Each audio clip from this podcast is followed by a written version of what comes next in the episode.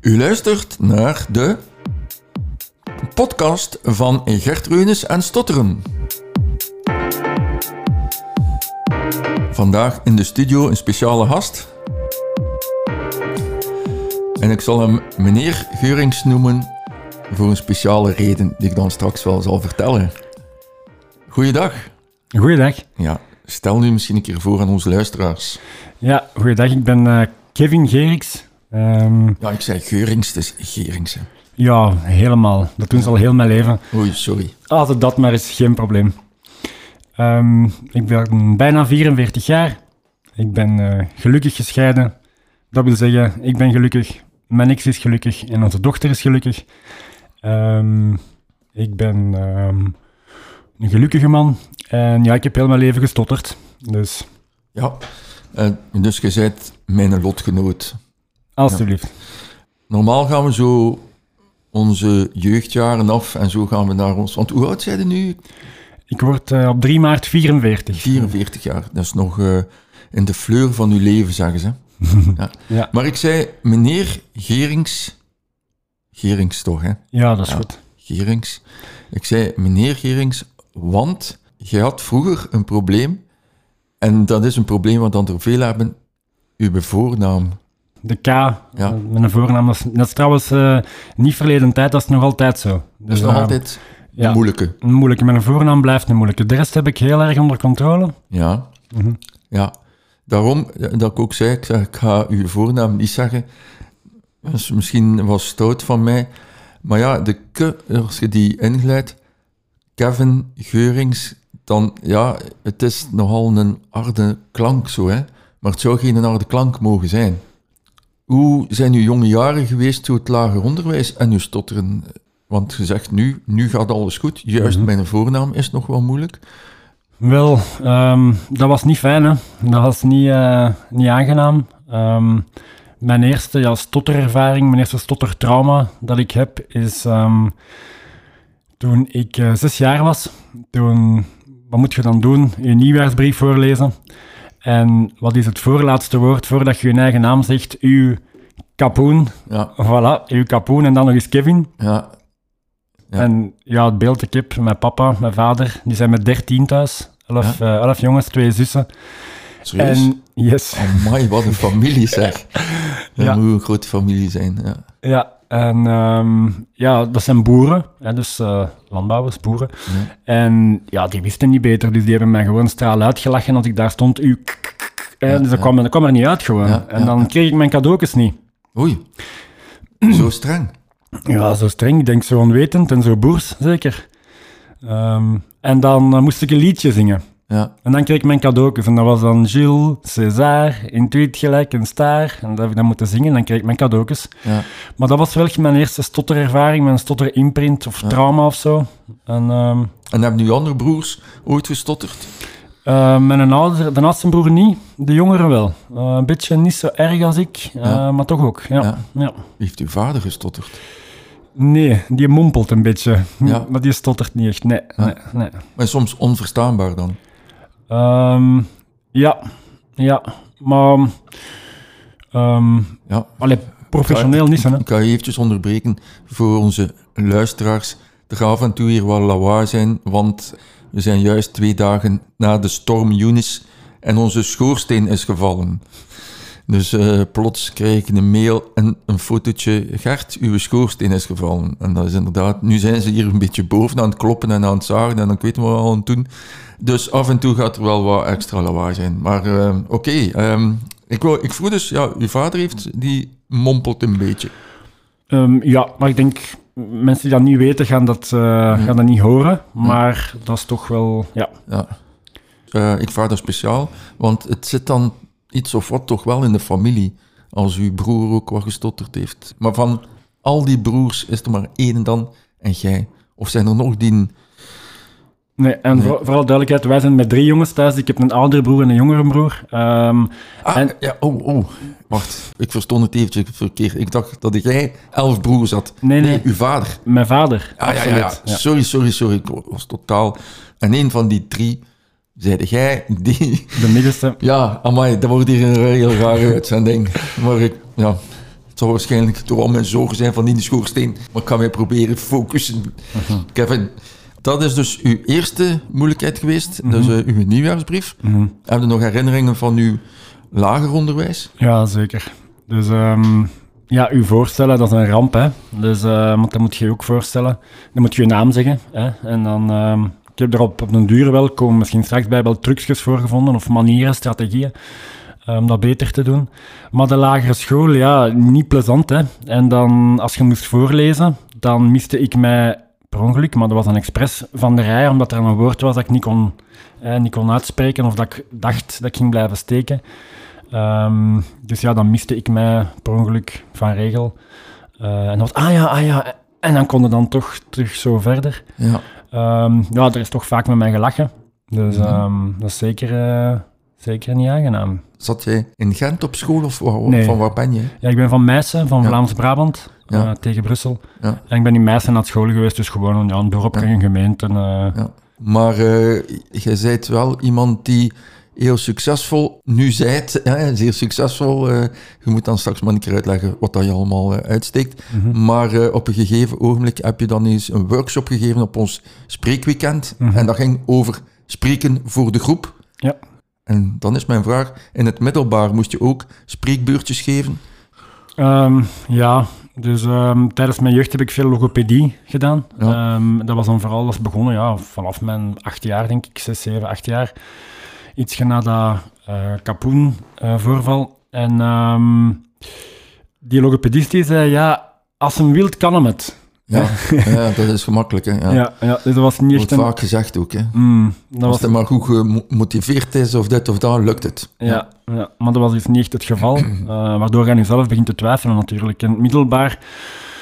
Goh, ik heb dan middelbaar heb ik, eh, ja, verschillende therapieën gevolgd. Hè. Ik heb Hausdorfer eh, gevolgd, zo aan elkaar eh, je letters doen. Dat je bijvoorbeeld, een trucje dat ik daarvan onthouden heb, is... Ja, als ik mij moet voorstellen, dan kun je bijvoorbeeld zeggen... Mijn naam is Kevin. Ja. Maar als je dan naar elkaar zegt, mijn naam is Kevin, dan moet je niet bij de K blijven steken en de mensen horen dat niet. Ehm, dus middelbaar, spreekbeurten, ja. Ehm, wat ik bijvoorbeeld wel dan deed, was mijn eigen wat opladen. En behalve bij de naam ehm, viel dat dan mee. Trucjes. Ja. Waardoor het niet zozeer opviel en het werd dan nog als schattig ervaren Ja. of zo. En Terwijl, heb je nog een idee welk trucje je gebruikt? ah wel, dus die, eh, mijn naam is K- Ah ja, is... Evin. Hè. Eh, ja. Mijn naam is Kevin, maar dat is gewoon mijn naam is K- Evin. Eh, dus dat trucje, Ja. ehm, dat is eigenlijk het enige trucje dat ik van, van mijn heb, je, naam had. heb je ooit leren zo inglijden, zo uit aan Kevin? Kevin, dus nu ga ik het hoorbaar doen. Kevin, heb je dat ooit eh, gedaan? Eh, wel zeker, bij de bekendste en meest beroemde stottertherapeut van België, eh, Gert Reunis. dus daar heb ik dat zeker gedaan. Nu, ik heb ook ehm, ik heb, eh, andere cursussen gevolgd ook, dat noemt de totaaltherapie voor stotteren. En daar doen ze dat ook. Hè. Dat is misschien wel raar om te zeggen, maar je moet dan je, ja, je anusspier hè, moet dan ontspannen. Wat gebeurt als je uitblaast. Dus daar was dat ook een techniek. Mhm. En dan, ehm, in de, toen ik in mijn laatste jaar hogeschool zat, Ja, was ik, ehm, dat was in 2001, was ik 21 toen. Toen ben ik naar Lille geweest, naar Frankrijk. Mhm. En daar heb ik ehm, ja, een techniek gevonden om er vanaf te geraken, voor mij althans. Ja. Hè. Ehm, het was een combinatie van heel veel oefenen. En dat was bij Ivan Impocco, Mhm. de Impocco-techniek. En dienen, die zei, ja, per eh, lettergreep doe je een spiercontractie ja, op uw arm zo, hè. op mijn arm. Maar Ja. ik kan ondertussen met mijn tetten, met mijn schouders, met mijn benen, met mijn billen. Niemand ziet dat nog. Ik moet dat ook niet meer doen, maar ik kan dat wel. Ja. Ehm, Maar ik wou juist ik kon Mhm. weten, in eh, uw humaniora-jaren, mhm. eh, als je dan logo volgde, heb je dan moeten ook zo opzettelijke herhalingen doen? Dus mijn Mhm. na, na, naam is Ke, Ke, Kevin? Of niet? Oh, Omdat ik veel mensen, ik had dat ook Mhm. moeten doen. Heb jij, weet je dan nog of dat je zo die opzettelijke herhalingen moest doen? ah, wel, ik heb precies wel een pijntje dat boven komt. Is het waar? dat is lang geleden, ja. Ik zie, ik zie het nog eh, gebeuren. Ja, ja, dat vond ik helemaal niet prettig. Nee. Nee. Ook al ja, is er nu wel weer een, eh, een, hoe zeggen ze dat, een revival van dus die opzettelijke herhalingen. Hè. Mm. Dus er wordt eh, enorm veel nu in de klassieke logopedie, als ik dat zo mag noemen, vooral veel opzettelijke herhalingen weer aangeleerd. Zo soepele, zachte herhalingen. Geen stotters, maar herhalingen. Mm. Ja. Maar ik heb veel eh, cliënten of ex-cliënten die dat dus hebben gedaan en allemaal zoiets hebben van oei, god, die herhalingen, dat was zo psychologisch moeilijk dan, denk Mm. ik. Hè? Ja, daar kan ik mij bij aansluiten. Dat voel ik ook in mijn lijf. Dat is niet... Ja, zo. Ja. Nee, nee, dat, is- dat Ma, vind ik niet mag ik een bro, bro, broodje met pre, pre, preparé zo? Mm. Ja. Ja, dat vind ik niet, niet plezant. Dat vind ik niet plezant. Nee. Zeg, we springen een beetje van de hak op de tak. Jij bent heel succesvol. Wat is jouw job? Eh, wel, dank u dat u dat zegt. Ehm, ik vind mijn eigen nog altijd een gewone jongen. Ja. Ehm, ik heb twee opleidingsbedrijven. Mhm. Ehm, en ja, mijn job is, eh, ja, ik ben public speaker. Dus eh, ik geef eh 70, 80 dagen per jaar geef ik opleidingen, trainingen, seminars. Vooral naar ondernemers, maar ook, eh, dat doe ik dan gratis, non-profit, naar eh, laatste jaar middelbare en universitairen en hogescholen. Om eh in te inspireren om iets van hun leven te maken. Ja, maar chic. Ja, eh dank u wel. Ehm, ja, ik, eh, ik heb van mijn zwakte mijn sterkte kunnen maken. Ja. Ehm, en ja, ik moet wel zeggen, mensen appreciëren dat wel. Dat ik, dat ik dat zeg. En ik heb daar nog wat humor rond gevonden. Ja. Ehm, Maar zou je hier willen uitleggen hoe je van je zwakte je sterkte hebt gemaakt? ja, dus er zijn eh, heel veel ehm, theorieën en strekkingen over hoe dat stotteren is. Eh, Mhm. Dat gaat van dat er andere hersengebieden actief zijn. Hè, en dat is allemaal wetenschappelijk. En ik ben nogal een van, eh, van de GBV, eh, gezond boerenverstand. En eh, ik doe mijn best om eh, in praktijk za- zaken uit te testen. Ja. En ik denk dat elke mens moet kijken, oké, wat werkt er voor u? En voor mij, ik eh, ben een sportman in hart en nieren. Ehm, en ehm, ik ben vooral veel gaan oefenen. Ik heb ontzettend veel geoefend. Dus Ja. ehm, in 2001 ben ik dan een Zou cursus... ik eerst mogen weten, wat, Ah, sportman, wat, wat, een- Ah. wat zei je van sportman? Ah, wel, ik heb heel mijn leven gevoetbald. Ja? Ehm, maar dan ben ik... Op hoog niveau? Wel, eh, ik ben een meter 91, dus dat valt redelijk goed mee. Ehm, ik, speel, ik heb bij de jeugd en bij de UEFA's gespeeld van tweede klasse. Ja, Eh, maar dan ben ik omvergereden met mijn brommerke. eh, door een zatlap. oh, mooi. En dan heb ik zes operaties aan mijn knie gehad en dat was mijn carrière gedaan. Dan was ik nog één nog in het land van de blinden in derde provinciale. Eh, maar dat vond ik dan niet meer plezant. Wordt dat misschien wel nog goed betaald? Of niet? Goh, Sommigen worden goed betaald. hoor. Sommigen worden goed betaald. Dat is nu sinds corona iets minder, denk ik. Maar ehm, ik heb er wel van afgezien. Ik heb eh, lang gevoetbald, ik heb getennist ook. Alleen nu merk je de T van tennis, daar heb ik Ja. het ook nog moeilijk mee. Ja. Ehm, wat ik wel ga doen als ik dan bij mezelf een stotter merk, Ja. of ik merk intern een aarzeling, dan ga ik wel hernemen. Ja, ga ik je zeggen, hoort nog een keer zeggen. ja, gewoon een rustig. Getennist, getennist. En dat het dan zo voelt voilà. van, eigenlijk lukt het mij wel. Het ja. gevoel psychologisch dan. Ja. Of is het voor fysiek ook te voelen, het gaat beter. Nee, om ehm, mezelf attent op te maken dat het een oud patroon is en dat ik gerust naar een nieuw patroon kan gaan. Ja. En als ik dat dan uitspreek, hè, eh, ik heb getennist, Ja. voilà, dan is dat weg. Dan is die lading erop weg. Ja.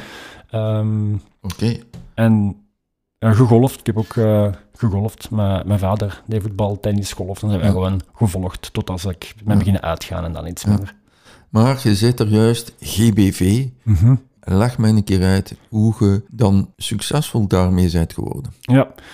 Wel, ik heb ook eh, heel mijn leven gefitnessd. En ehm, ik ben ook yoga-leraar nu, dus veel mindfulness gedaan. Ik ben? Ook Ja. yoga-leraar. Ja, ja. Ik doe nu sinds eh, drie weken of vier weken yoga. Aha, Ja. Dat is goed. De yin-yoga. De yin-yoga, ah ja. Want, De easy yoga. goh, de easy die is vooral om te ontspannen, hè. Dus, Ja, eh, ja, ja. Maar die- wel Hm? stretch, in de stretch blijven, zo drie, vier minuten. Yes. En dan zo die ontspanning. Zo. Mm. Ja. Ja. Ik, ik zie dat jij eerder een yang yoga man bent. Yang yoga man, dat rijmt nog ook een beetje. Wel, ehm, ik ben aan een boek bezig en dat noemt de Yoga Achiever van yoga en Achiever. Dat zijn twee kanten in mij. Dus ik ben inderdaad geschoold in de Yang, in de Ashtanga yoga. Dat is Ja. de, de oudste, de puurste vorm van yoga. Ja. Eh, een heel ehm, ja, mannelijke vorm van yoga. De vrouwtjes doen hem om een schoon lijfje te hebben. Ja. Eh, mannen kunnen dat ook doen natuurlijk. als ik u zie zitten, je bent een ongelooflijk eh, in goede shape. Hè. Als ik, ja, niemand ziet u natuurlijk. Ik zie u en je bent ja, een sportman. Hè. Van, van fysiek zie ik toch? Ehm, d- dank u wel. Ehm, dus voilà, eh, dat heb ik gedaan van sport. Ehm, maar ik doe ook wel de yin yoga hoor. Ah, ja. Omdat ik anders veel, ja, dan loop ik over. Hè. Oh, altijd hevig. Dus ik heb ook wel die yin nodig. Dus ik ben in beide wel eh, geschoold. Ehm, ik geef ook geen vaste les hoor. Ehm, Ja. ik, heb, ik heb redelijk wat vrienden, tot pre-corona natuurlijk, eh, die gezondheidsreizen organiseren. En dan boeken ze mij en ze moeten mij niks betalen. Eh, ik geef morgens een uurtje yang, s'avonds een uurtje yin. En ik kan de hele dag in de zon zitten gedurende een week. En voilà, it's a win-win situation. Dus eh, Oh, dat is wel super. Hè. dat is wel tof, ja. Ehm, voilà, we waren bij dat sporten. Ja, En dan werd ik rood omdat je mij complimenteerde over mijn fysiek. ja, ja. ja. en dan, juist, de GBV. Daar ja waren we. GBV. Ja. GBV, oké. Wel, als sportman had ik geleerd dat als je iets oefent, dat je beter wordt. Dus ik ben veel beginnen oefenen. En ehm, zoals gezegd, er zijn veel strekkingen en veel manieren om van stotteren af te geraken. Hè. Ehm, hoe jij het aanpakt vind ik uniek eh, in, in, in Vlaanderen. Ik kan alleen maar veel stotteraars aanraden om naar hier te komen. Hè. Ehm, Nu gaat hij mij rood doen eh, laten worden. Hè. I return the favor. Nee, maar het mag eh, gezegd worden. Hè. Wat, je doet is uniek. Dus, ehm, en, ehm, dus ja, als je een spier traint, als je met een halter traint, dan weet je, als je veel traint, dat je meer gewicht kunt pakken, dat je spier sterker wordt. Of als je dan wilt dat ze dikker wordt, hè, dan moet je wat anders trainen. Maar ehm, zo is dat met spreken ook natuurlijk. En het is mijn persoonlijke overtuiging, maar die is maar van mij, dat stotteren veel te maken heeft met je zelfbeeld. Mhm. Wanneer je naar jezelf kijkt, met je zelfvertrouwen. Ja. En dan zelfvertrouwen, als je dat woord gaat ontleden, dat is vertrouwen in jezelf. En de stotteraar, ik althans, ik vertrouwde niet in mezelf dat ik het woord ging deftig zeggen. Ja. Wat gebeurt er dan in je hoofd, of in mijn hoofd althans? Shit, ik ga het niet kunnen zeggen. Ja. Dat is zoals iemand die moet gaan public speaking doen, denkt, oh nee, ik wil geen een blackout. Ja, wat krijg je dan die een blackout? hè? Ja, ja, ja. Dus dat is een van de belangrijkste lessen dat ik ehm, geleerd heb. Ja. Ehm, dat is om je te focussen op wat je wel wilt. Maar dan spreek jij dus wel over secundair stotteren. Hè? Secundair stotteren is stotteren wat dat u zelf hebt aangeleerd. Mhm, Hè? En door uw mindset mhm. gaat jij al die angsten of dat vluchtgedrag of vermijdingsgedrag gaat reduceren en gaat je, ja, u er psychisch erboven staan. Primair stotteren is in feite wat dat ontstaat voor uw zesde levensjaar. Iets dat ontstaat, eh, een stuk genetisch. Maar ik geloof zeker dat er eh, voor veel mensen is er dus een opsplitsing, secundair, primair stotteren. En dus jij had misschien niet zoveel primair stotteren, maar misschien meer secundair. En door je mindset zijde dan beginnen vooruit gaan, of niet? Hmm, ehm, wel, ik wil eerst goed begrijpen. Als ik goed begrijp, zeg je primair stotteren wil zeggen, ja, een beetje onbewust voor je zesde levensjaar. En secundair is eerder nadien, als je aan jezelf beginnen twijfelen bent. Heb ik dat goed begrepen? Ja, maar ook secundair is ook iets wat dat je jezelf aanleert. Hmm. Je foute spieren aanleert. Oké, oké. Dus je fout spiergebruik Mhm, gaat jij veranderen doordat je mindset mhm. gaat beginnen veranderen. Want je mindset zat verkeerd. Ja. Je had die angst, mhm. Ehm, wel, stotterangst en spreekangst. Ja, ehm, ik weet dat, eh, niet bewust, maar mijn mama, mijn, mijn, mijn moeder heeft me dat verteld, dat ik eh, ja, in die kleuterklas al stotterde hoor. Drie, vier. Hè. Ja, Ehm, ik had nog een trauma van de smurfen met mijn vader. Ik mocht niet naar de smurfen kijken omdat ik snurf zei, met een N van nee. En ik, moest, ik mocht dus niet kijken. En, dan zijn ze maar je moet toch wel een strenge v- vader hebben. Of had, Ik, eh, ik, ik, ik hou van mijn papa, maar ehm, dat is een hele competitieve man, een dominante man. Ehm, en eh, dat was nog een strenge, ja. ja, ja. ja, ja. Ja. Maar ik, ja, elk nadeel heeft zijn voordeel, dus ehm, ik heb me ook kunnen ontwikkelen dankzij die strengheid, maar dat was niet gemakkelijk, nee. Het eh, rode draadje van vele verhalen wat ik hier hoor is, en dat is heel gek dat je dat nu ook zo zegt, van, of als ik zie grote sportmannen, die hebben allemaal een zeer slechte relatie gehad. Een vader-zoon relatie. Mhm, Of een heel strenge vader gehad. mhm, En doordat ze een heel strenge vader gehad hebben, Mhm. hebben ze altijd willen applaus krijgen van hun vader. En dat lukte niet altijd. En dan hebben ze altijd verder en verder. Is dat bij jou ook zo'n beetje? Ja, Ik, zie- ik zie zo wat hetzelfde verhaal. Zo. Ja, ja, dat kan je wel zeggen. Nu, ik heb geen slechte relatie met, met mijn vader gehad. Eh, mijn vader, ja, die, die kwam uit het gezin met 13. Hè, dus eh, daar moesten ze, als ze tien jaar waren, een, een kip de, de kop om, omdraaien, bij wijze van spreken. En degene die goed kon fietsen, die kreeg stek. En de andere, die, die kregen gehakt. Hè. Ehm, maar ja, ik kan dat wel zeggen. Mijn vader wou ook zijn, zijn kinderen tweehandig en tweetalig en tweevoetig eh op, opbrengen. Hè. Dus de lat lag hoog thuis, ja. En ehm, dat heeft ervoor gezorgd dat ik deels wat onzeker was, mijn broers ook. En iedere mens gaat daar op zijn manier mee om. Hè. Mhm. Dus eh, in dat opzicht eh, kan ik dat wel zeggen. Ik ben geen topsporter, hè, dus, ehm, Ja. ehm, maar ik, ik haal wel het meeste uit mijn leven. Dat is dankzij mijn strenge papa, ja, absoluut. Ja, als ik uw loopbaan zo een be- beetje evalueer, zeg jij wel een self-made man. Ehm, ik heb niet gekregen, nee. Als, als dat de definitie is, ja. Ja. En ik heb eh, ondertussen twee, twee bedrijven die eh, Ja. succesvol zijn. Of toch één, door corona is het er een beetje vertraging, of het heeft al vertraging opgelopen. Eh, dus ja, dankjewel. Ehm m- maar misschien terug naar dat gezond boerenverstand, Ja, want dus dat primair, primair en secundair stotteren. Ehm, dus wat ik gedaan heb, is gedurende tien jaar elke morgen en elke avond, dus zo'n kwartier en 30 minuten voor de spiegel, met een PDP geoefend. En met een PDP, dat was mijn Personal Development Plan. En ik heb dat in het Frans eh, geleerd. En dat noemde dan incertitude orale, hè, mondelinge onzekerheid. En dat was een stukje rond uw mindset werken, de PGH, dus we toen noemden de positieve geesteshouding van Napoleon Hill. Ik heb veel boeken daar rond gelezen om mijn secundair stotter dan te verbeteren. Mhm. Maar dan was er wel een stukje technisch spreken. Dus, ehm, en ik denk dat dat mij van mijn primair stuk wel afgeholpen heeft. Omdat, eh, dus hoe, hoe gaat dat dan? Ja, ik, ik heb het tien jaar lang gedaan, dus als ik, als ik bijvoorbeeld 's morgens dan... Ik ontwaak dankbaar uit een diepe slaap. Dat ik kan doen wat ik het liefste doe, geeft me ongelooflijk veel energie. Ik ben in direct contact met mezelf en mijn intuïtie. Mijn intuïtie en zo, et cetera, et cetera, et cetera. ja, ja. En ik vertelde toen al dat ik zaakvoerder was van vier bedrijven, maar ik had die bedrijven toen nog niet, maar ik, ik visualiseerde dat. Zo wat, de self-fulfilling prophecy. Ja, klopt, want Louise Hay, zegt u misschien wel iets? Louise Hay, Ja, ik- zo van die affirmaties maken Ja. en zo dingen in je hoofd Mhm. steken. En dat, Ja. ja. Ik geloof wel op, ik geloof daar ook in. Hè. Ehm, wel, Ik doe dat ook voor een stuk.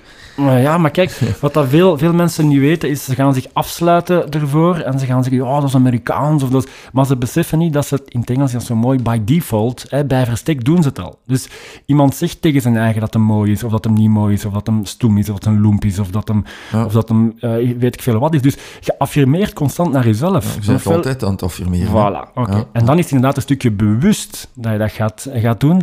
Ehm, en dat is even raar in begin, want dat is niet echt. En dat ze, allee, wat ze er nu aan doen. En, maar je begint te merken dat je dat begint te geloven. Mhm. Dus, ja, voilà. Dus dat stukje heeft mij zeker geholpen.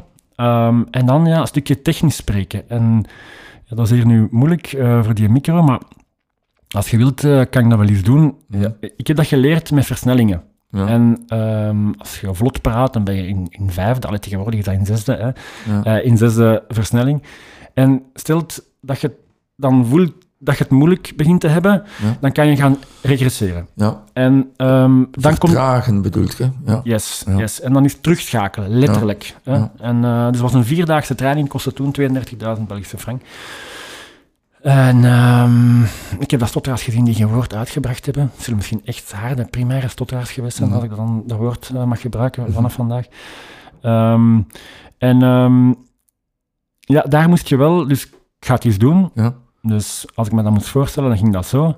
Dus goed inademen met nadruk. Ja. Bonjour. Je m'appelle Kevin. Kevin. Ça fait deux. Hè, dus, ja. en dus zo gaat het, een soort van bypass doen, want je moet nadenken, ah ja, ik moet hier twee lettergrepen, spiercontact zien, waardoor dat je... Maar je begint wel vertrouwen te krijgen. Het is eigenlijk, ja, ik, ik geloof in alle soorten methodes, Mhm. als ze maar zeer hard getraind worden, Mhm. want je gaat je focus verleggen. Hè? Als Ja, ik zeg klopt. van, allee, wat dan wij meer doen, is, is meer natuurlijker spreken en dus meer in die golven spreken zo.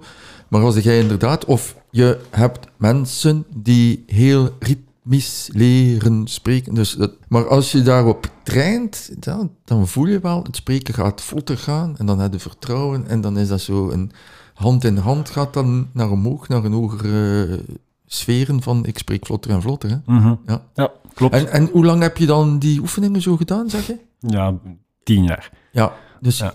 En dat was s'morgens of smiddags of s'avonds of Ja. iedere dag of twee maal in de week of drie keer per week? Nee, dus laat ons zeggen, op uitzonderingen na eh, is dat s s'morgens eh, en s'avonds. Ja, Ehm, maar vooral, weet je waarom dat 's morgens en 's avonds goed is? Omdat als je, 's avonds, als je 's morgens opstaat, dan... Als je slaapt, heb je een andere hersenfrequentie. Ja. En dan gaat je meer, dus je diepe slaap is delta-golven, en, eh, of delta, en dan heb je theta. En als je zo creatief bent, dan zit je in je alpha-sfeer. Ja. Maar als je stottert en je, of je veel stress, dan gaat het, dat is gemeten, dat noemt dan beta, dat zijn miljoenen eh, trillingen per seconde, dat is hertz. Hè. En dan zit je hoog in die stress en dan, en dan zit je daarin. Dus, en als je juist wakker wordt, ik deed dat echt met een slaapkop, of vlak voordat je gaat slapen, ja, dan noem het wel spiritueel, of hoe dat je het dan wilt noemen, Ja. dat je erin gelooft of niet, maar ehm, je zit dichter bij je onderbewustzijn. ja. Je bent nog niet helemaal alert, je bent nog niet helemaal wakker. En ja, weet het grappig is dan, je hebt andere hersengolven. Oké, Als je mediteert, gaat ook naar dat alfa-niveau. Ja.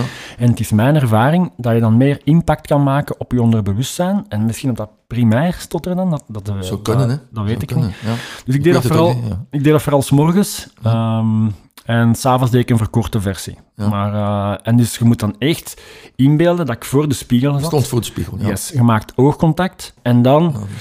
Ik ontwaak dankbaar uit een diepe slaap. Ja. Ik ben in direct contact met mezelf en zo, hè. ja. En dan ging het altijd maar beter, Ja. altijd maar vlotter. En dan... Want het eh, lijkt mij wel zeer vermoeiend wat dat je doet. goh, ik Of is dat een gewoonte? ehm, wel, dus dat is oefenen. Ja. En dat is, eh, ik denk, een sportman die. ehm, eh, de mensen zien enkel maar de wedstrijd, dat hij loopt of, of, Ja, of doet of ja. zo. Maar alle harde uren dat hij moet gaan trainen en dat hij afziet, niemand ziet dat. En ja, ik, ik heb wel die mentaliteit. En ik vind dat, ik vind dat tof, trainen. een beetje een Wout van Aert.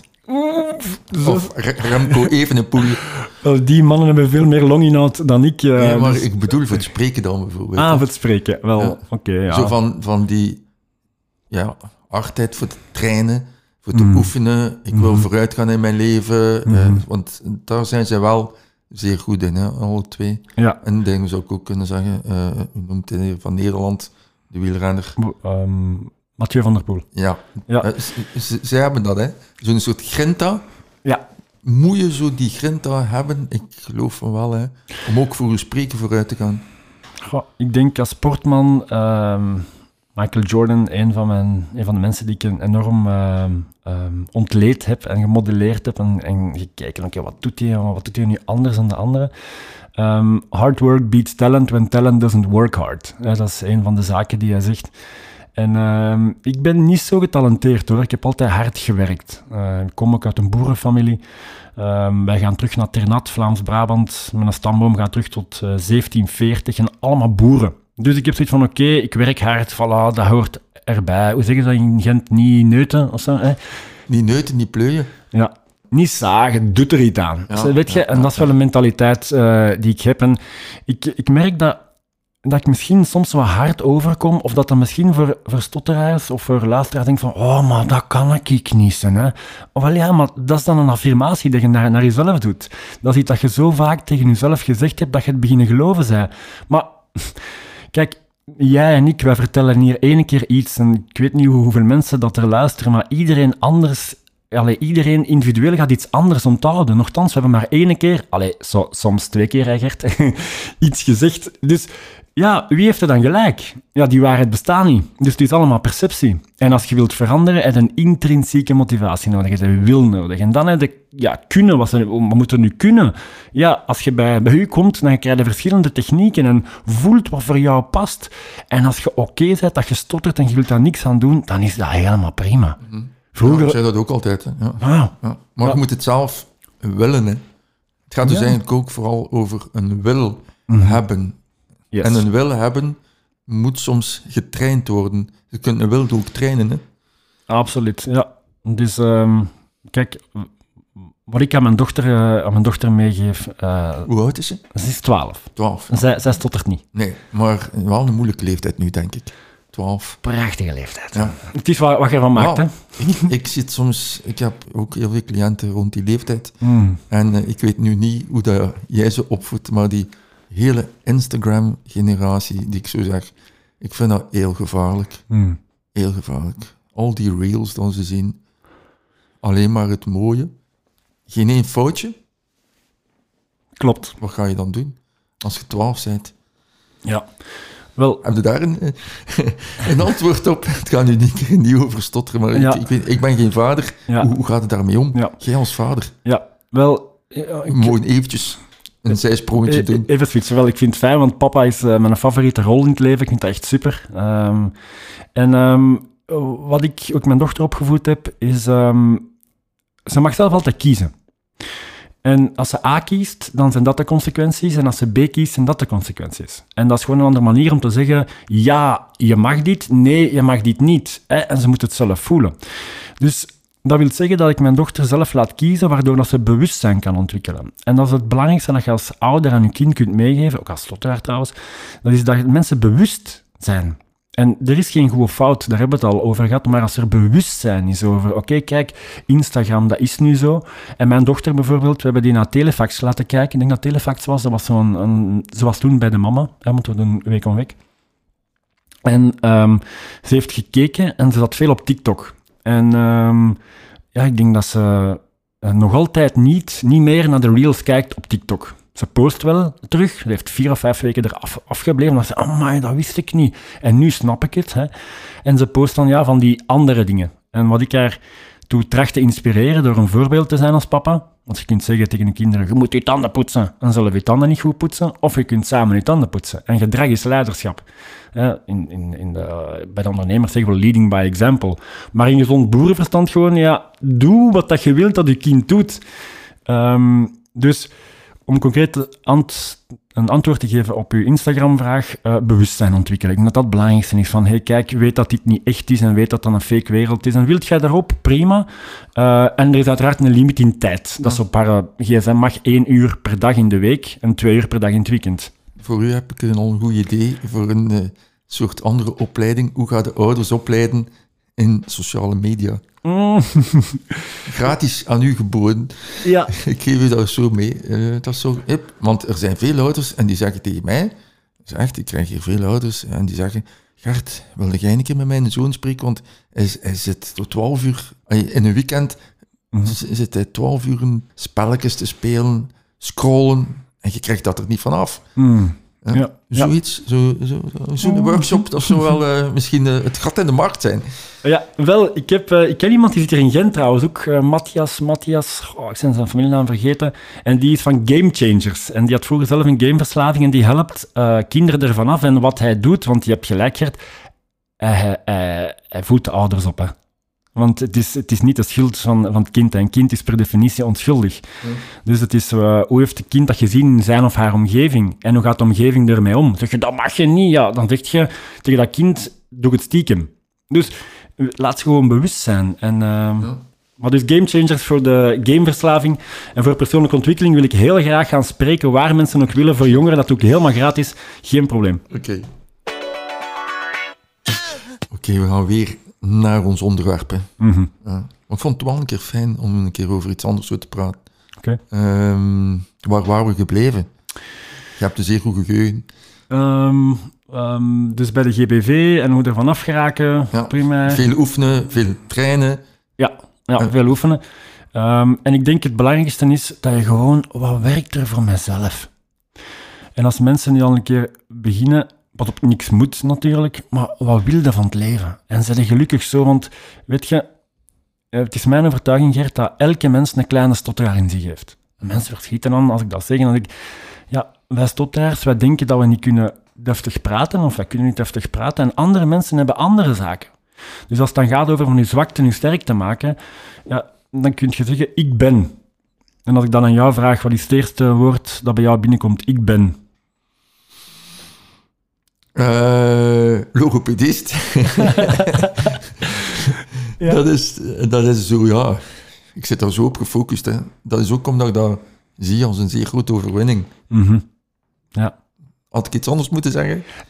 Er is alleen maar bewustzijn, er is geen eh, goed of fout. Ehm, En wat zou jij zeggen? Als ik zeg, ik ben, wat zou jij dan zeggen? ik ben Kevin. Ja, Ja. jij zegt, eh, ja. Ja, ik ben eh, inderdaad... ik zit nog in een totaal andere fase, pijs ik. ja, maar ik, eh, ik, ik oefen er, er dan ook op. En ja, mensen moeten zichzelf maar een keer ik ben. En je slaat je ogen en je telt tot drie. En wat komt er dan? Ik ben, Ja. ben mooi. je ik zei ben... zoveel, hè? Je zei zoveel. Natuurlijk, voilà. maar het gaat om onbewustzijn. Ja. En goed, wat wilt je dan in het leven? En als ik dan zei, ja, iedereen heeft een kleine stotteraar in zich. Het leven geeft ons uitdagingen en kansen en problemen. En weet je, we kunnen niet kiezen wat ons overkomt, maar we kunnen wel kiezen dat we daarop reageren. Eh, Hoe dan we reageren. yes, Ja. voilà. En je hebt drie geboortegeschenken, Gert, en de mensen zijn dan een beetje vergeten. En stotteraars ook. Hè. Dus als stotteraar, maar als mens per definitie kun je je afvragen, wat die drie geboortegeschenken, één, wat wil ik nu eigenlijk echt van het leven? En fuck, eigenlijk, wat wil ik nu van het leven? Pak er een tijd voor. Een zeer moeilijke. Ja. Ik word nu 60. ja, En dus als je nu zegt, wat wil ik nu nog? Of hoeveel jaren heb ik nog? En wat ga ik nog doen? Mm, Ik zit daar eh, heel vaak over na te denken. ja, ja. Oké. Ja. Ehm, ja, en wat dat je wilt, een goede daarvoor is een blad papier pakken, dat in twee verdelen. Wat kan ik goed en wat doe ik graag? En dan gaan kijken, hé, waar is dat gelinkt? Hè? Ehm, en ehm, dus welke dingen vallen er samen? En dat zijn zaken die je dan kunt gaan doen, want ja, die gaan je voldoening opleveren. Ehm, maar dus, ja, één, wat wil ik? Dan kun je zeggen, dat is moeilijk. Of je kunt zeggen, dat is gemakkelijk. Of het is maar wat jij ervan maakt, natuurlijk. En als we blijven in ons hoofd dralen, dan is dat moeilijk. Tweede geboortegeschenk is verbeeldingskracht. Het vermogen om te visualiseren. En als ik je denk, als ik je nu zeg, Gert, eh, denk eens niet aan roze olifant. Ondanks dat ik niet zeg, baf, uw brein heeft dat beeld van een roze olifant. De alcoholiekers denken nu aan een delirium, hè, of de mensen die graag een pintje drinken. Ehm, dus dat is altijd aan. En ik heb als stotteraar altijd ehm, een beeld gevormd. Ik wil niet meer stotteren. Maar niet bestaan niet. Ons brein kan dat niet vatten. Dus dat tweede geboortegeschenk, dat is altijd actief. Dus je maakt beelden. Dus wat ik deed, ik zag mijn eigen stotteren met zo een roze streep over. Dus ja, dat klopt niet. Dus het heeft mij twee jaar geduurd dat ik dat snapte. Van, ah ja, ik wil kalm, rustig en duidelijk praten. En dat ben ik beginnen visualiseren. Dus, want onbewust, als we het niet bewust doen, onbewust hebben we dat beeld van ons eigen dat we stotteren. Of wat dat je dan ook zei in het leven, wat dat dan uw, uw, stotter, eh, uw stotterding is. Ja. Dus bekijk... je je zegt er iets heel juist, hè. Dus als je altijd dat idee hebt van, ik eh, stotteren, dat is slecht, ik mag niet stotteren, ik mag Mm. dat niet. Nee, moet moet het andere zeggen, hè. Ik zou mogen praten op ritme, of ik mag trager praten, of ik Mhm. mag dit. Dat is ja, het andere verhaal, hè. Ja, Ja, Ja. dat is heel juist. Ja. Dat is Juist. Prince. Dat is een prins, ja. Ja, Oké, dus we hebben wilskracht. Dus wat wilde? We zijn bezig met de GBV. Oké, hoe kun je nu van gezond boerenverstand, hoe kun je nu ja, er iets aan doen? Als je iets wilt aan doen, dan stotteren natuurlijk. Of iets van je leven maken. Als je iets van je leven wilt maken, niks moet. Twee, verbeeldingskracht. En drie, je gewetenskracht. En mensen vinden dat raar als ik zeg, gewetenskracht. Ja, dat is ook een kracht, hè. Is het oké wat dat je doet? Voelde jij je niet goed met veel trainen en hard trainen? Oké, aanvaard dan dat je stottert. Vind jij, als je ehm, gaat tennissen, ziet, daar zit altijd nog wat lading op, ga ik dat even hernemen. Als je gaat tennissen, dan... ehm, ja, en je speelt niet goed, maar je wilt niet oefenen, dan moet het niet ambetant zijn dat je verliest. Hè. Als je wilt beter worden, gaat dan trainen. ja. Voilà. Maar dus geen oordeel op niemand of niks. Gewoon geweten. Dus wat wilde? Je verbeeldingskracht. Of dat je het nu wilt of niet, is altijd actief. En als je weet wat je niet wilt, dan gaat je dat ook krijgen. En drie, wat wil je nu zelf? Wat voel je goed bij? Als je die drie dingen doet, ja, dan, ehm, dan kun je al heel ver komen. Ja. Ja. Wou het eventjes hebben, uw loopbaan. Mhm. Want ik weet eigenlijk niet juist wat dat er allemaal gedaan hebt. En in functie van uw spreken, Mhm. zou je mij daar een keer iets kunnen over vertellen? Dus dat ik goed begrijp, niet per se mijn professionele loopbaan, maar mijn loopbaan in functie van spreken? Of? Nee, dus, Ah. dus u, wat je allemaal hebt gedaan in de jobs, Mhm. maar hoe ging dat dan met u spreken? Ah ja. Of en de jobs gedaan in functie van niet stotteren? Mm. Ja. Ik heb vooral heel veel geoefend. ik heb duizenden telefoons gedaan. Ik heb duizenden mensen op straat aangesproken eh, als stotterend. Hè? Of met, eh, met mijn techniek dan dat voor mij werkte. Goedendag. Ik ben Kevin. Hoe laat is het alstublieft? Ja. Dus zo, zoveel geoefend. Hè? Maar dat moet dan ook wel voor u, eh, hoe zou ik dat moeten noemen, ehm uw zelfbeeld. Mhm.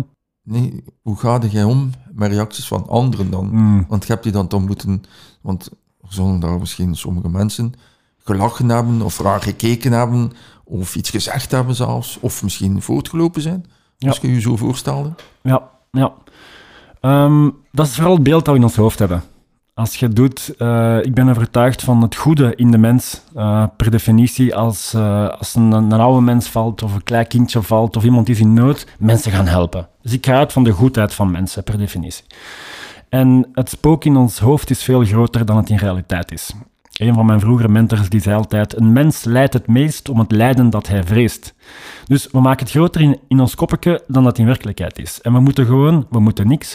Als je uit je comfortzone komt, als je iets doet dat je niet goed kunt en niet graag doet, dat groei je van als mens. En je krijgt vertrouwen in jezelf. En dat is een, dat kun je met geen één job, met, met niks van geld of met niks materieel ehm, compenseren. Want ik ken heel veel mensen die veel rijker zijn in centjes dan ik, maar die zijn leeg van binnen. Die hebben geen voldoening, die hebben niks, die hebben, die hebben geld. Ja, voilà. En, en auto's, en, en- of auto's moet ik zeggen. Ehm, dus ja. ehm, maar op uw, op uw vraag te antwoorden. ehm, ik ben jobs gaan zoeken eh, om naar buiten te komen. Mhm. Dus ik heb, eh, ik heb altijd studentenjobs eh, gedaan. Eh die niet altijd gemakkelijk was. ehm waar ik soms de telefoon moest pakken. En, eh, ik moet wel zeggen, vanaf mijn 21 had ik dus een manier gevonden om ja, redelijk stottervrij te spreken. Hè? Dan, Mhm. ehm, maar je weet, ik ben dan heel lang, heel veel jaren blijven oefenen, blijven, blijven doen. En op een gegeven moment ben ik daarmee gestopt omdat ik dacht, voor mij is het oké zo. En, en ik ben Kevin en ik heb stottertjes. Ja. Maar vroeger was ik, ik ben een stotteraar. Maar nee, ik- dat is op identiteitsniveau. Ja. Als, ik aan, als ik aan u vraag, ik ben, en je zegt, ik ben een logopedist, dat wil zeggen dat jij, en daar is niks mis mee, Gert, dat je identificeert met je eh, professionele bezigheid. Ja. Terwijl, jij zegt Gert... Om- omdat het ook mijn roeping is. ah, voilà, dat is uw missie. Ja, ja. Thuis heb ik nog verzachtende omstandigheden dat ik niet Gert gezegd heb. Maar, maar, maar er is nog iets, ik vind het fantastisch dat je dat doet, want het werk dat jij doet, als ik hierboven kwam, ik was echt onder de indruk van alle krantenartikels van de eerste stotteraar die logopedist werd en master logopedie, en ik vind dat fantastisch wat dat je doet, dus zeker geen oordeel. Ehm, maar natuurlijk, weet je, wat doen als het uw missie is, dan is dat normaal dat je dat zegt. Mhm. hè. Ehm, maar wij mensen, we gaan ons dan verstoppen achter bepaalde zaken om Mhm. niet naar onze kern te moeten gaan. En er is zo'n heel mooi gedicht van Marion Williamson en... ehm, ehm, hoe noemt hem weer? Mandela heeft dat, heeft dat deels in zijn speech eh, gebruikt. Hè. It, it- it's not the darkness inside of us that frightens us most, it's the light that shines within us.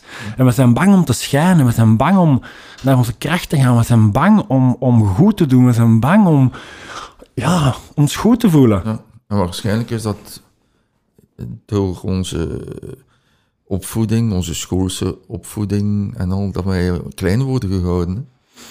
Dat klopt, Ja. dat klopt. Want Ja. dat zal niet moeilijk, dat zal niet gemakkelijk zijn voor u als vader, als, eh, hoe heet ze? Uw, uw- Eh? Moran, Moran. Moran, ja. Speciaal. Als zij alles moet leren, dat je zo het idee hebt, ja, maar ze moet dat zelf allemaal leren zien en leren. Ik krijg nu veel jongeren en als je vraagt, Mhm. wat wil je worden? Mhm. Dan hebben ze, ofwel zeggen ze rijk, ofwel ze zeggen ze CEO.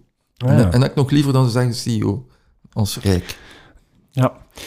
Ehm, ja, weer al, is het gemakkelijk, is het niet gemakkelijk. Ik denk, laat de kind kind zijn en laat ze dromen. Ik ging voetballer worden. Hè. En, ehm, mijn dochter, wat ik tegen haar zeg is, eh, schat, zorg dat je iets doet wat dat je graag doet. Eh, doe je middelbaar, blijf zo breed mogelijk. Dat je zo breed mogelijk eh, opleiding en opvoeding krijgt. En zorg dat je weet wat dat je graag doet en goed kunt. En dan zullen we wel een bedrijfje opzetten. Ik, ik bedoel, dan, dan gaan we wel ondernemen. Of als, stel je voor dat je geen entrepreneur wilt worden, kan je bij iemand gaan werken, of voor iemand, of samen met iemand in loondienst. En dan ben je intrapreneur. Maar zorg wel dat je weet wat dat je goed kunt en graag doet. En ga daar voluit in. Ga daar gewoon voluit in. En dan is, het niet, dan is het niet moeilijk. Of, en laat kinderen kind zijn, laat ze rijk worden en laat ze CEO worden. En als ze dan een beetje doorvragen, wat, bedoelt- wat, wat bedoelt je eigenlijk? Ze weten het zelf niet. Dus laat ze maar kind zijn dan. En ehm, sommige mensen hebben wel een roeping, hè. Gert, als je kijkt naar Kim Kluijsen, ik wil wereldkampioen worden op haar tien, ja. Er zijn misschien honderdduizend die dat zeggen en eentje die, die het wordt, hè. Ja, ja, ja, ja, ja. Maar mijn, eh, mijn loopbaan, dus ik heb ja, eh, eh, ik heb, wat ik graag deed was sport. En eh, mijn vader is vastgoedmakelaar. Ik had veel meer geld kunnen hebben als ik eh, hem gevolgd. Maar ik vind mijn pa een fantastische P, maar niet om mee samen te werken. Mm, En ehm, ik ben, ehm, ehm, ik heb nog wel een woelige jeugd gehad. Ja. En dan ben ik eh, in de fitness begonnen. En als membership consultant, dat is een fancy woord voor verkoper van abonnementen, hè, van Passage Fitness First. En ik, eh, ik gaf mijn spinninglessen, ik gaf mijn buikspierlessen. En ja, ik verkocht gewoon dat ik dicht bij het product stond. En ik nodigde mensen uit en ik gaf zelf les, waardoor ik vertrouwen kreeg. En zo ben ik kunnen doorgroeien naar assistant manager en manager. En dan eh, ben ik verkozen tot manager van het jaar. En dan ehm, ben ik regiomanager geworden. En ben ik met de grote baas hier aan de watersportbaan, de Sambo, begonnen. Ehm, en dan daar ook kunnen in groeien. En dan eh, ben ik naar de opleidingswereld gegaan. Dus mijn carrière is van de body, van fitness, naar body and mind. Dan ben ik in yoga-wereld terechtgekomen, een jaar of vier, vijf, naar de mind. En dan ben ik ehm, als zelfstandige eh, beginnen werken voor eh, iemand die opleidingen gaf. En trainingen en seminars. En dan ben ik ook daar kunnen groeien, doorgroeien. En ook beste verkoper geweest. En dan manager geworden. En dan manager van, voor, noem dat dan, commercieel directeur of national sales manager. Ehm, en dan ben ik beginnen spreken en dan mocht ik hem altijd aankondigen. Mhm. En ehm, dat was altijd stress. Ik ging dood. Fuck. Op die vijf jaar tijd ehm, waren er 250 avonden per jaar dat ik die moest aankondigen dan. En 250 seminardagen. Op vijf jaar dat ik daar gewerkt heb. Dus 500 dagen op de vijf jaar. Dus als, eh, wat is dat? 2000 dagen. Ehm, en ik werd er altijd beter in. Maar in het begin was dat echt lastig. Dat was afzien. En ik had soms nog stottertjes daar. En ik wist niet Ja. wat zeggen. En oh, fuck. Maar door ja, door te de gaan... frequentie, de frequentie die hoog is, gaat het altijd maar verbeteren. Hè. Yes. Ja, Yes. ja. Absoluut. Dat is ook iets wat ik vaak zeg aan mijn cliënten, of mijn lo- lotgenoten liever gezegd, dat je, hoe hoger je frequentie van oefenen, hoe groter je return. Klopt. En ik vind dat... ehm, ik vergelijk dat vraag, eh, graag. Je had dat ook al gedaan, Gert. Een topsportmentaliteit. Hè? Mm. Ehm, en ik zeg het nog eens. Niks moet. Dat is het belangrijkste. En pak je een tijd om te weten, oké, wie ben ik? Ehm, wat wil ik uit leven? En waarom is dat zo? En pak daarvoor in tijd. En, en je weet, je pakt gewoon een wit blad. Wat kan ik goed? Wat doe ik graag? En ga daarin zoeken. En dan automatisch word je gemotiveerd. Want weet je waar ik niet mee akkoord ga, is dat mensen zeggen, ja, maar Kevin, jij, jij bent zo gedisciplineerd. Dan denk ik, maar wacht eens even. Jij bent even gedisciplineerd als ik om het niet te doen. Dus wat zit jij je eigen nu te pushen voor iets dat je denkt dat moet gebeuren of zo? Als je het niet wilt doen, doe het niet, hè. Maar stop met te zeggen dat je niet gedisciplineerd bent.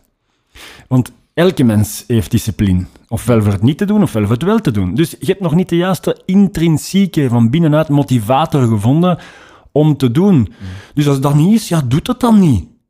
Hè, ik, ik zeg tegen mijn dochter ook, als je het niet graag doet, ja, stop er dan mee. maar niet zagen, of niet, niet neuten, hè, Ja. zeggen ze het dan? Niet neuten, niet pleuien. Niet neuten, niet pleuien. Hè? Ehm, dus ehm, ja, ik zou zeggen, als je niet wilt beter spreken, oké, maar berust er dan in. Maar als je dan sommige, en die zeggen, ja, intrinsieke motivatie eh, heb ik niet. Oké. Ik geloof wel dat er een soort systeem is. Iedereen is anders, iedereen is uniek. En iedereen heeft een graad van intrinsieke motivatie. Mhm. in zijn lichaam zitten. Mhm. En dat dat niet bij iedereen hetzelfde is.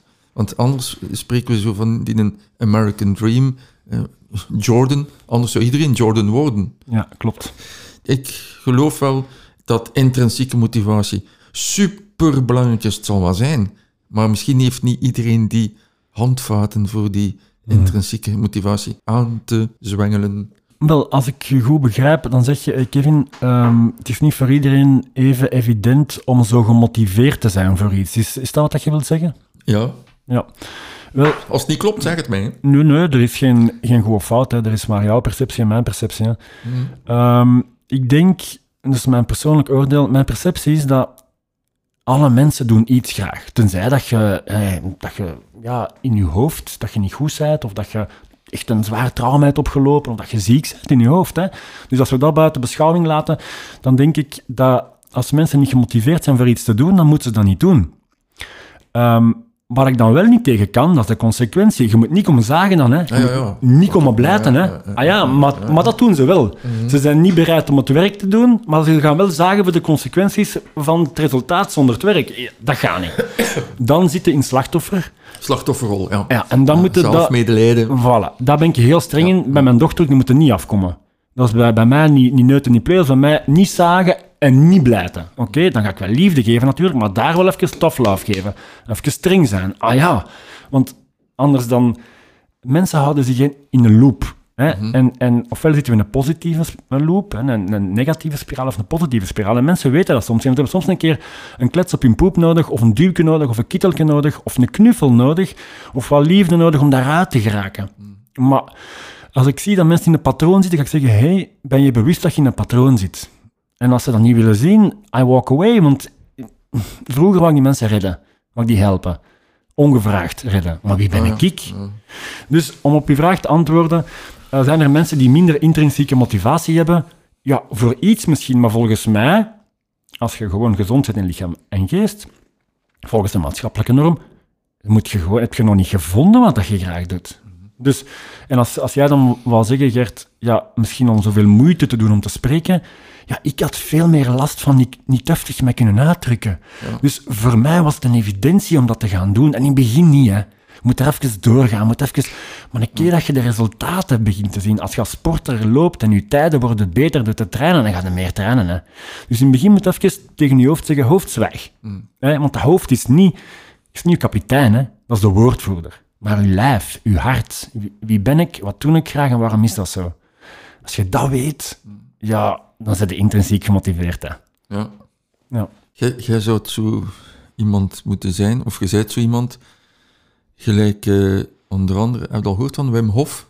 Ja, ja. Ja, ja. W- Wim Hof. En de anderen, die een eh SEAL-soldaat, die nu ook eh, iets geschreven heeft. Hebben, hebben we dat al gelezen? Is zijn boek? Een Nederlander. Nee, Nee. nee, nee, nee, nee. Hij is eh, van, eh, van, waar is het? Hij is niet van Miami, maar is een SEAL-soldaat Mhm, geweest. mhm. En, eh, en die wordt nu enorm gelezen. Ah, ja. Heeft ook zo zoiets van, oh, moet er maar voor gaan. En op zijn Amerikaanse way. Maar ik vind het wel goed, hè. Pas op, vind, vind niet Mhm. slecht, hè. Want dat is echt... Ik sta er 100% achter, hè. Ja. Dat is echt... En jij hebt dat ook zo een beetje. En, en als ik u hoor praten, je bent ook een goede prater geworden, hè. Dank je. Ja. Vlotte prater, maar Mhm. ook... Oké, ja. Slogans mogen er zijn, hè. Ja. Je kunt zeggen, ja, iemand praat alleen maar in slogans. Ah, ja. Maar slogans hebben ook een bepaalde waarde, hè. Mhm. Klopt, Ja. klopt. Wat doe je nu? Ja. Wel, eerst even zeggen, Tony Robbins ehm, is een van mijn mentors. Ehm, Ah, oké. voilà. Ik heb eh, drie seminars bij hem gevolgd in Londen, 2011, 2012. En eh, ik heb toegepast wat, wat hij zei, maar natuurlijk op, op zijn Vlaams, want ik vind, Mhm. ik vind het ook het Amerikaans. Hè. Ja, maar, oké, ja. Ja. En ehm, in 2019 ben ik ook naar eh, Date with Destiny geweest bij hem in Florida. Ehm, tien jaar lang. Dat is, eh, je bent met 5000 man die allemaal 10.000 dollar betalen. Dus je kunt tellen. Eh, maar ja, als je het aan anderen niet gunt, ja, dan gunt je het jezelf ook niet. Ehm, dus Tony Rommels is wel een inspirator van mij. Ehm, alhoewel ik hem... eh, ja, hij is Amerikaans en er wordt constant geupseld en gecrosselt. En dan denk ik van, allee, man, in, in Europa had je dit niet moeten doen. Dus als je zegt dat ik eh, Amerikaans ben, ehm, dan wil ik graag ja, begrijpen, wat bedoelt je daar dan precies mee? Is dan die slogans, of is het ervoor gaan, of, of positief zijn? Ja, of... ja maar ik, je hebt mij waarschijnlijk slecht verstaan. ik, ik, ik, eh, ik geloof in self-fulfilling prophecy. Mhm. Ik geloof in ja, iedere dag opstaan en zeggen bedankt dat ik mag leven. Mhm. En uw zinnen die gezegd zijn, ja, hoe, hoe dat iedereen zou moeten worden. Hè. Maar een hele grote groep die gaat zijn job doen, die gaat s'avonds om vijf uur naar huis, Mhm. hij zet zijn scherm open, zit naar VTM te kijken of naar VRT en gaan slapen, staat weer op, gaan gaan werken. Mhm. Zo, ja, ehm, iedereen is aan het slapen. Mhm. Ja. Allee, niet iedereen, maar ik zie dat er een hele grote groep niet meer, zoals jij, bewust aan het leven bent. Mhm. Dat klopt. Ehm, en ehm, voor mij, ze zijn niet aan het slapen. Dat komt zo over en ze, ze wiegen zichzelf in slaap. En als we als mensen onze trauma's niet aanpakken, gaan we vluchten. En we vluchten in de meest voor de hand liggende Drank, drugs, drank, drugs, seks, slapen, slapen, werk, job. Marathons lopen, ehm, alles eigenlijk. Dus op zich, als je bewust bent dat dat een, een mechanisme is, een patroon is om jezelf te beschermen, om jezelf in slaap te wiegen, zoals je zegt, ja, dan klopt dat. En goed, als mensen dat dan willen, is dat goed. En eh, ik merk dat er een bewustzijn aan het komen is bij veel mensen. En eh, die mensen wil ik graag inspireren, want dat was uw, uw vraag. Ja. Dus ik hou van GBV, Gezond Boerenverstand, eh, Vlaams. Ik, ik spreek 70, 80 dagen per jaar. Dus dat wil zeggen, je hebt 15 weken die schoolvakantie zijn, daar spreek ik niet. En doe ik mijn best om wat eh, yin-yoga, om, om wat rustig te zijn. En die andere, elke dinsdag en donderdag spreek ik. Hè. Dus dat is redelijk intens. Ehm, maar ja, die 15 school, schoolvakanties, dat is voor mij ook rustperiodes.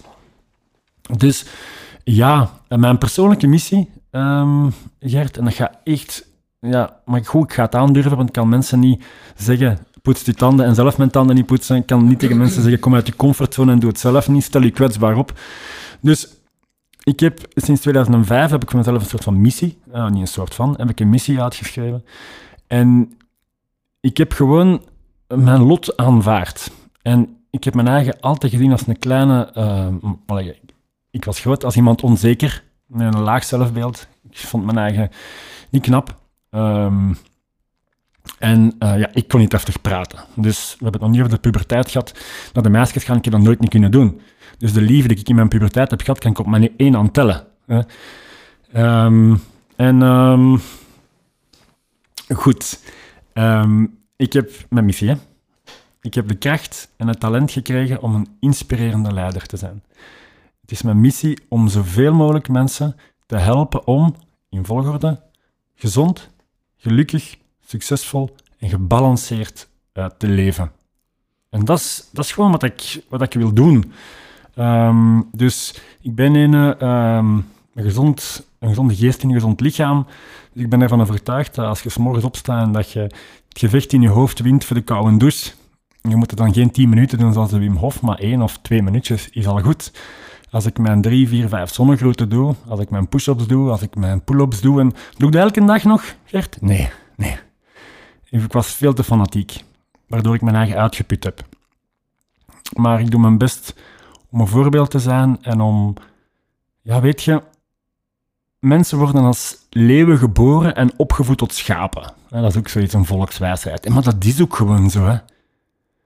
Er is wetenschappelijk onderzoek dat van ons 0 tot ons 18 jaar wordt er gemiddeld 150.000 keer gezegd: nee, je kunt dat niet. Nee, doe eens gewoon. Nee, blijf eens met voeten op de grond. Nee, dat mag niet. Nee, nee, nee, nee. Waardoor dat we dus van leeuwen naar schapen komen. En ja, ik heb ehm, ik ervaar het als mijn missie om eh, ondernemers, jongeren... Waarom? Ondernemers die betalen er geld voor, dus die gaan er iets mee doen.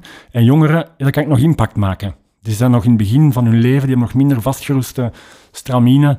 En ehm, ja, dus om die te helpen, om eh, iets te maken van hun leven. Ja, absoluut. Dan krijg ik heel veel voldoening van. Ja. Wat zou jij nu nog aan je lotgenoten als raad geven, maar dan echt op het vlak van het spreken? Hè? Oh. wat zou je direct aan iemand zeggen die stottert? En zou je hem op straat tegenkomen? Ja. Wilt je iets aan veranderen? Dat is de eerste vraag. Ja, oké. Hij zegt ja. Ja, dan ga ik vragen, waarom wilt je iets aan veranderen?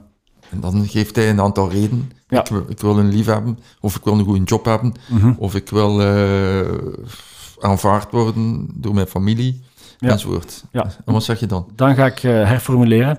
Dan kan hem zi- zichzelf horen. Dus Gert, als ik je goed begrepen heb, wil jij dat doen omdat je een normaal leven wilt leiden, dat je een vriendin wilt, dat je een deftige job wilt. En dan ga ik hem vragen, zeg, hoe belangrijk is dat voor u? Mhm. En dan, eh, dat weet ik niet. Ik vraag hem, oké, van een schaal van 0 op 10, hoe belangrijk is, is dat voor u? En dan ga ik automatisch, dan komt dat boven, is het hoofd of is het lijf? Is het iets dat hem moet van zijn omgeving of is het intrinsiek gemotiveerd? En ofwel ga ik zeggen, hey, topman, Ehm, ja, dan kun je naar Gert Reunes gaan, je kunt, eh, je kunt naar, naar Best VZ2 gaan, je kunt, er zijn van alle technieken om dat te doen, zijn bereid om te oefenen. Oké, dus dan gaan we die willen kunnen mogen. Dus ik denk, als je aan mij vraagt, hey, aan stotteraars, ehm, dan ja, kan ik maar herhalen. Wilt je het aan, aan, veranderen? Eh, ja. Waarom wilt je het aan, aan veranderen? Hoe belangrijk is dat voor u? En zijt je bereid om het werk te doen dan? En als je dat niet zegt, aanvaard dan dat oké is. Want je zei oké. Ik denk de belangrijkste boodschap is dat je oké bent. Maar als je je niet oké voelt, als je geweten knaagt, ja, doe er dan niet aan. Ofwel ga je gewoon, ja, heel je leven spijt hebben. En is dat het voorbeeld dat je wilt aan je kinderen geven? Is dat het voorbeeld dat je aan je vrienden wilt geven? Dat je wegkwijnt? En je, je moet daarom geen public speaker worden, daar gaat het niet over. Het gaat erom dat je durft je dark side zien en dat je durft eh, werken aan jezelf, want dat geeft echte voldoening. En fuck dat Amerikaans eh, ding. Maar als je fuck dat in het Nederlands zegt, eh, Gert, dan moet je dan zeggen, neuk dat. Allee, dat gaat niet, hè. Dus, dus, ja, wees eerlijk met jezelf gewoon. Ik denk dat dat is. Denk aan, wat wil ik? Kunt je het je verbeelden? En is dat oké voor u? Voelt dat goed voor u? En als je die drie dingen constant mee werkt, dan, dan gaat je goed voelen en dan gaat een aangenaam leven hebben. En daar gaat het toch om, hè. Ja, heel juist. Maar ik heb nog een heel speciale vraag. Hadden nu niet gestotterd? Zit er hier iemand anders voor mij? Hadden nu niet gestotterd? Ja, absoluut. Of zat iemand anders nu voor mij? Ja. Wie zou het dan geweest zijn? Dat weet ik niet, hè. Dat weet ik niet.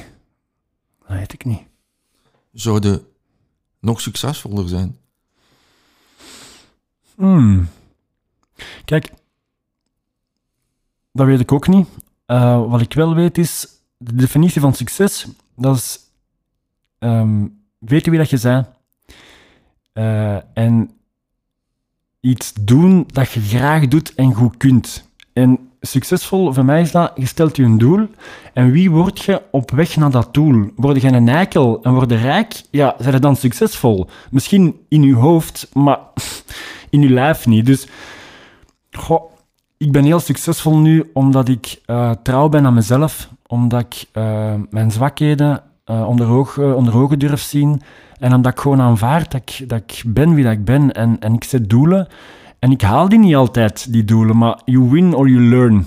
In, in, in het GBV, falen is feedback dat me sterker maakt. Voilà, dat is iets dat ik honderdduizend keer tegen mezelf gezegd heb. Falen is feedback dat me sterker maakt. Miek hoog, doe het nu. Dat zijn zo van die zelfmotivators dat ik gebruikt heb en die nu gewoon in mij zitten, dat programma's geworden zijn. En meer de programma's van een miskende behoefte van mijn mama of, of mijn papa of, of van mijn ouders of van mijn voogd. En we leven die programma's, Gert, maar we weten dat niet meer. Ja. Maar zou iemand, ja, z- zou iemand op een, op een hoger niveau geweest zijn, bijvoorbeeld?